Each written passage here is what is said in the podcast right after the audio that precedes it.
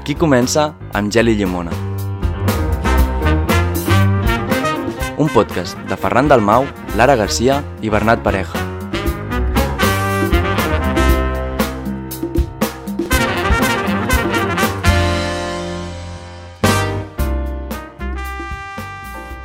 Bon dia i benvinguts a Amb Gel i Llimona. Us parla el Ferran Dalmau i m'acompanyen, com sempre, la Lara Garcia i el Bernat Pareja. Avui venim a parlar d'un tema diferent i, per tant, amb un format una mica especial. Però primer deixeu-me posar-vos en context.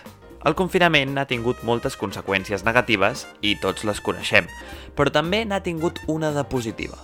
La baixada de trànsit i de mobilitat ha perjudicat força les nostres relacions socials, però ha beneficiat el medi ambient.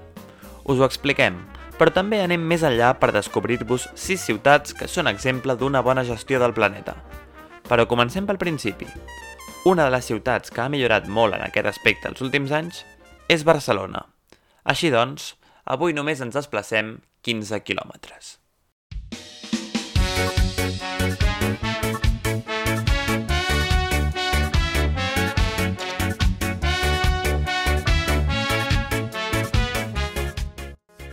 Avui volem parlar d'un dels noms que ha captat més l'atenció mediàtica els últims anys al nostre petit país. Es tracta d'Ada Colau, alcaldessa de Barcelona i reconeguda activista. Colau va arribar a l'alcaldia el 2015 i des de llavors una de les línies d'actuació principals de l'Ajuntament ha estat democratitzar l'espai públic per aturar la contaminació de la ciutat. Però en fi, no us ho expliquem nosaltres, que ho facin ells. Quan obrim carrers, passeges pel barri tranquil·lament. Mira! I com que passeges pel barri tranquil·lament, descobreixes els comerços del barri. I resulta que hi venen verdura, peix, infusions, bufandes, càmeres de fotos i productes de quilòmetre zero. I a tu t'agrada la verdura, el peix, les infusions, les bufandes, les càmeres de fotos i els productes de quilòmetre zero. I de cop estàs content. I els botiguers també. I llavors t'adones que la ciutat on vius s'assembla cada cop més a la ciutat on vols viure. Obrim carrers cap a la ciutat que volem. Ajuntament de Barcelona. Bé, no venim a jutjar les propostes, sinó a analitzar com ha canviat la ciutat, sobretot després de veure com en 45 dies de confinament sense pràcticament trànsit, la qualitat de l'aire millorava molt i els índexs de contaminació baixaven. En primer lloc, una de les claus són les bicicletes com a mitjà de transport. En els últims 5 anys, Barcelona ha doblat el seu recorregut de carrils bici, passant dels 120 km fins als 241. Aquí han entrat en gran part les superilles, la gran aposta del govern Colau per recuperar l'espai públic per a la ciutadania. Consisteix en agrupar nou illes de l'Eixample per formar-ne de grans i restringir el trànsit per dins d'aquestes, de manera que siguin espais on surt més a compte moure's a peu o en bicicleta que no pas amb cotxe. Tot això es deu a la voluntat, en paraules de la regidora d'Urbanisme Janet Sant, de liderar el canvi global de reducció d'emissions. Més enllà de les paraules, la idea és arribar al 2024 a reduir en un 25% l'ús de cotxes a Barcelona. El cas de Barcelona no és únic. La pandèmia ha fet canviar la mentalitat de ciutadans arreu del món i al conjunt d'Europa l'ús de les bicicletes ha augmentat un 10% respecte als nivells pre-Covid. I és que el fenomen és internacional. Com us dèiem al principi, us expliquem 6 dels casos de ciutats sostenibles. Abans de començar, cal establir algunes de les premisses que tenen les ciutats que col·locarem en aquest rànquing. Són eh, alguns factors que tenen a veure amb la gestió del medi ambient, com per exemple tenir un gran espai verd, els nivells de contaminació per sota de la mitjana internacional o una bona gestió eficient dels residus. Anem a veure quines compleixen aquests requisits i per tant es col·loquen al capdamunt d'aquest rànquing. Lahti, Finlàndia. En primer lloc, us volem parlar de la ciutat finlandesa Lahti, la proclamada capital verda europea d'aquest 2021. Segons els informes sobre els objectius de desenvolupament sostenible d'Europa, Finlàndia va per davant de molts altres països pel que fa a la cura del medi ambient.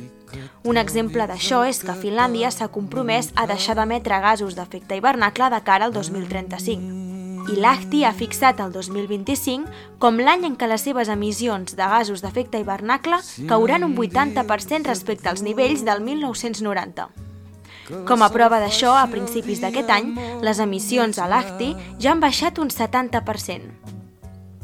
Un 74% de la superfície de la ciutat està ocupada per espais forestals i els llacs en suposen un 11%. Una altra dada curiosa és que l'ACTI, amb els fons del programa europeu Urban Innovative Actions, es premia amb diners virtuals als ciutadans si redueixen les seves emissions de carboni derivades del transport. El sistema funciona mitjançant una aplicació mòbil, CityCap, que concedeix a cada usuari un pressupost setmanal de carboni que varia en funció de la situació econòmica de cada veí. L'APP fa un seguiment personalitzat del recorregut dels ciutadans i els avalua en funció dels mitjans de transport utilitzats. Si es detecta que el ciutadà ha reduït la petjada de carboni, se li donen diners virtuals que després pot canviar per serveis com ara reparacions gratuïtes de bicicletes, bitllets de bus o bé entrades per la piscina municipal.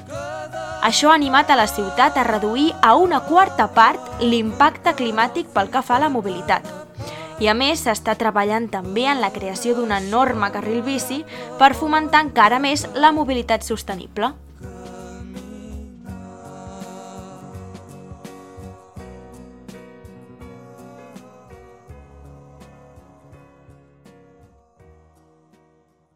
Estocolm, Suècia.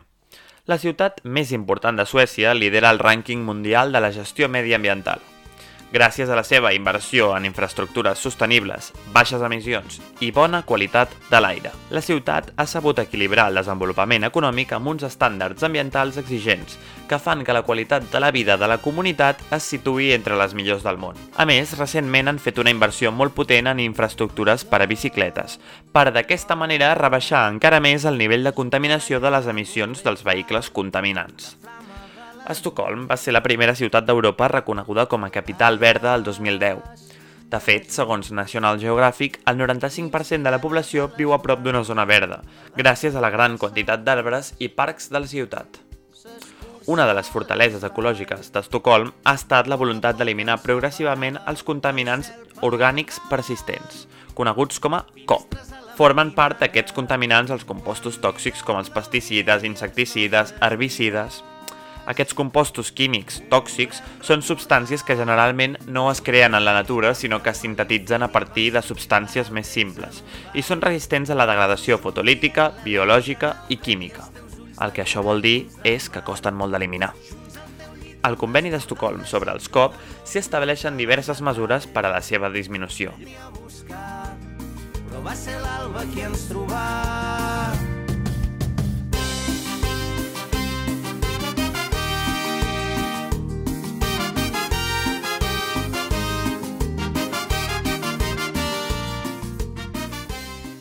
Reykjavik, Islàndia.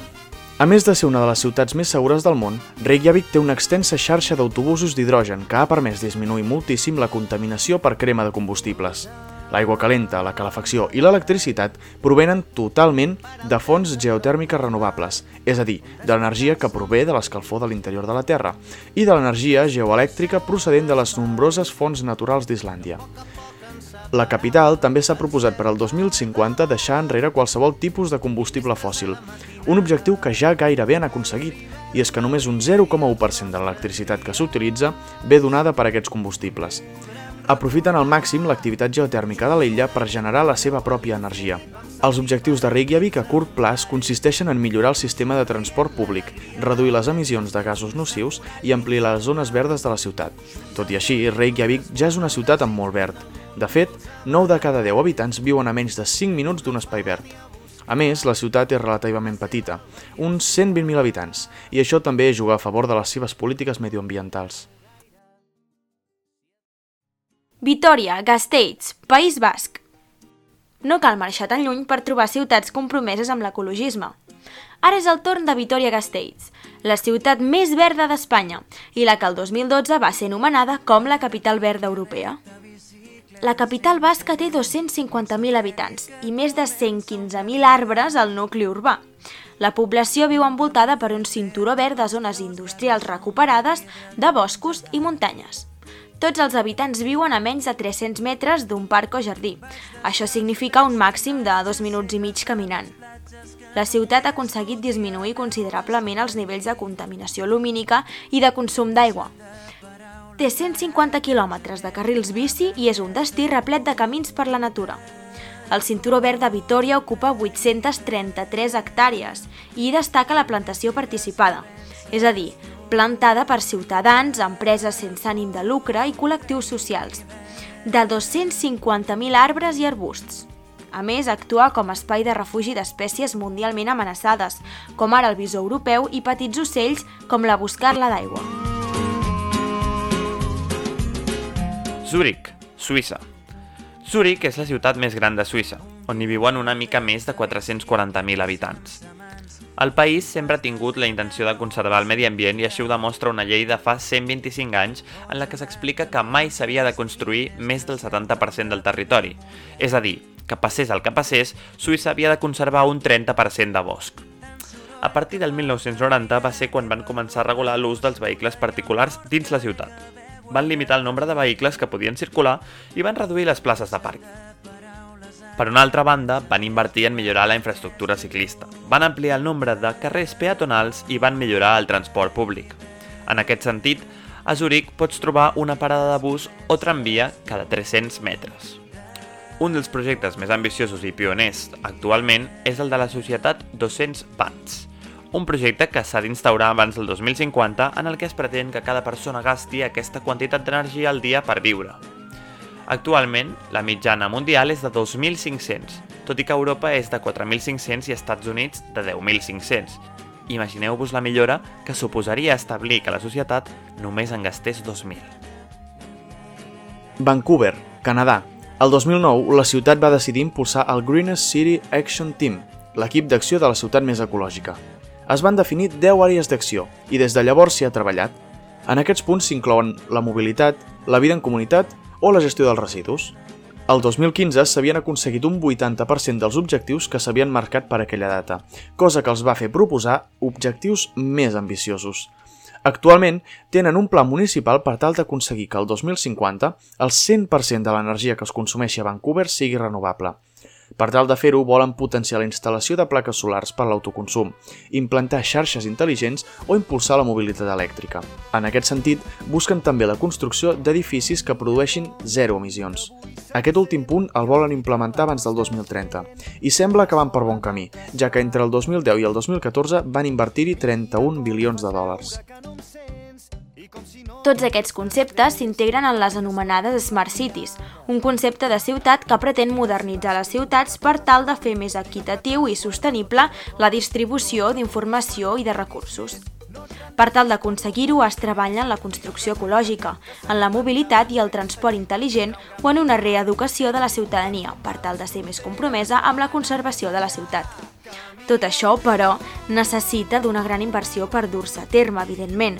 A Espanya, el 2019, es van destinar 200 milions d'euros per projectes com la ciutat de Santander, Pontevedra o Barcelona. I fins aquí l'episodi d'aquesta setmana. La construcció d'infraestructures que permetin una millor relació entre els humans i la Terra és fonamental per poder avançar com a societat. Marxem abans que es desfaci el gel. Fins la setmana vinent.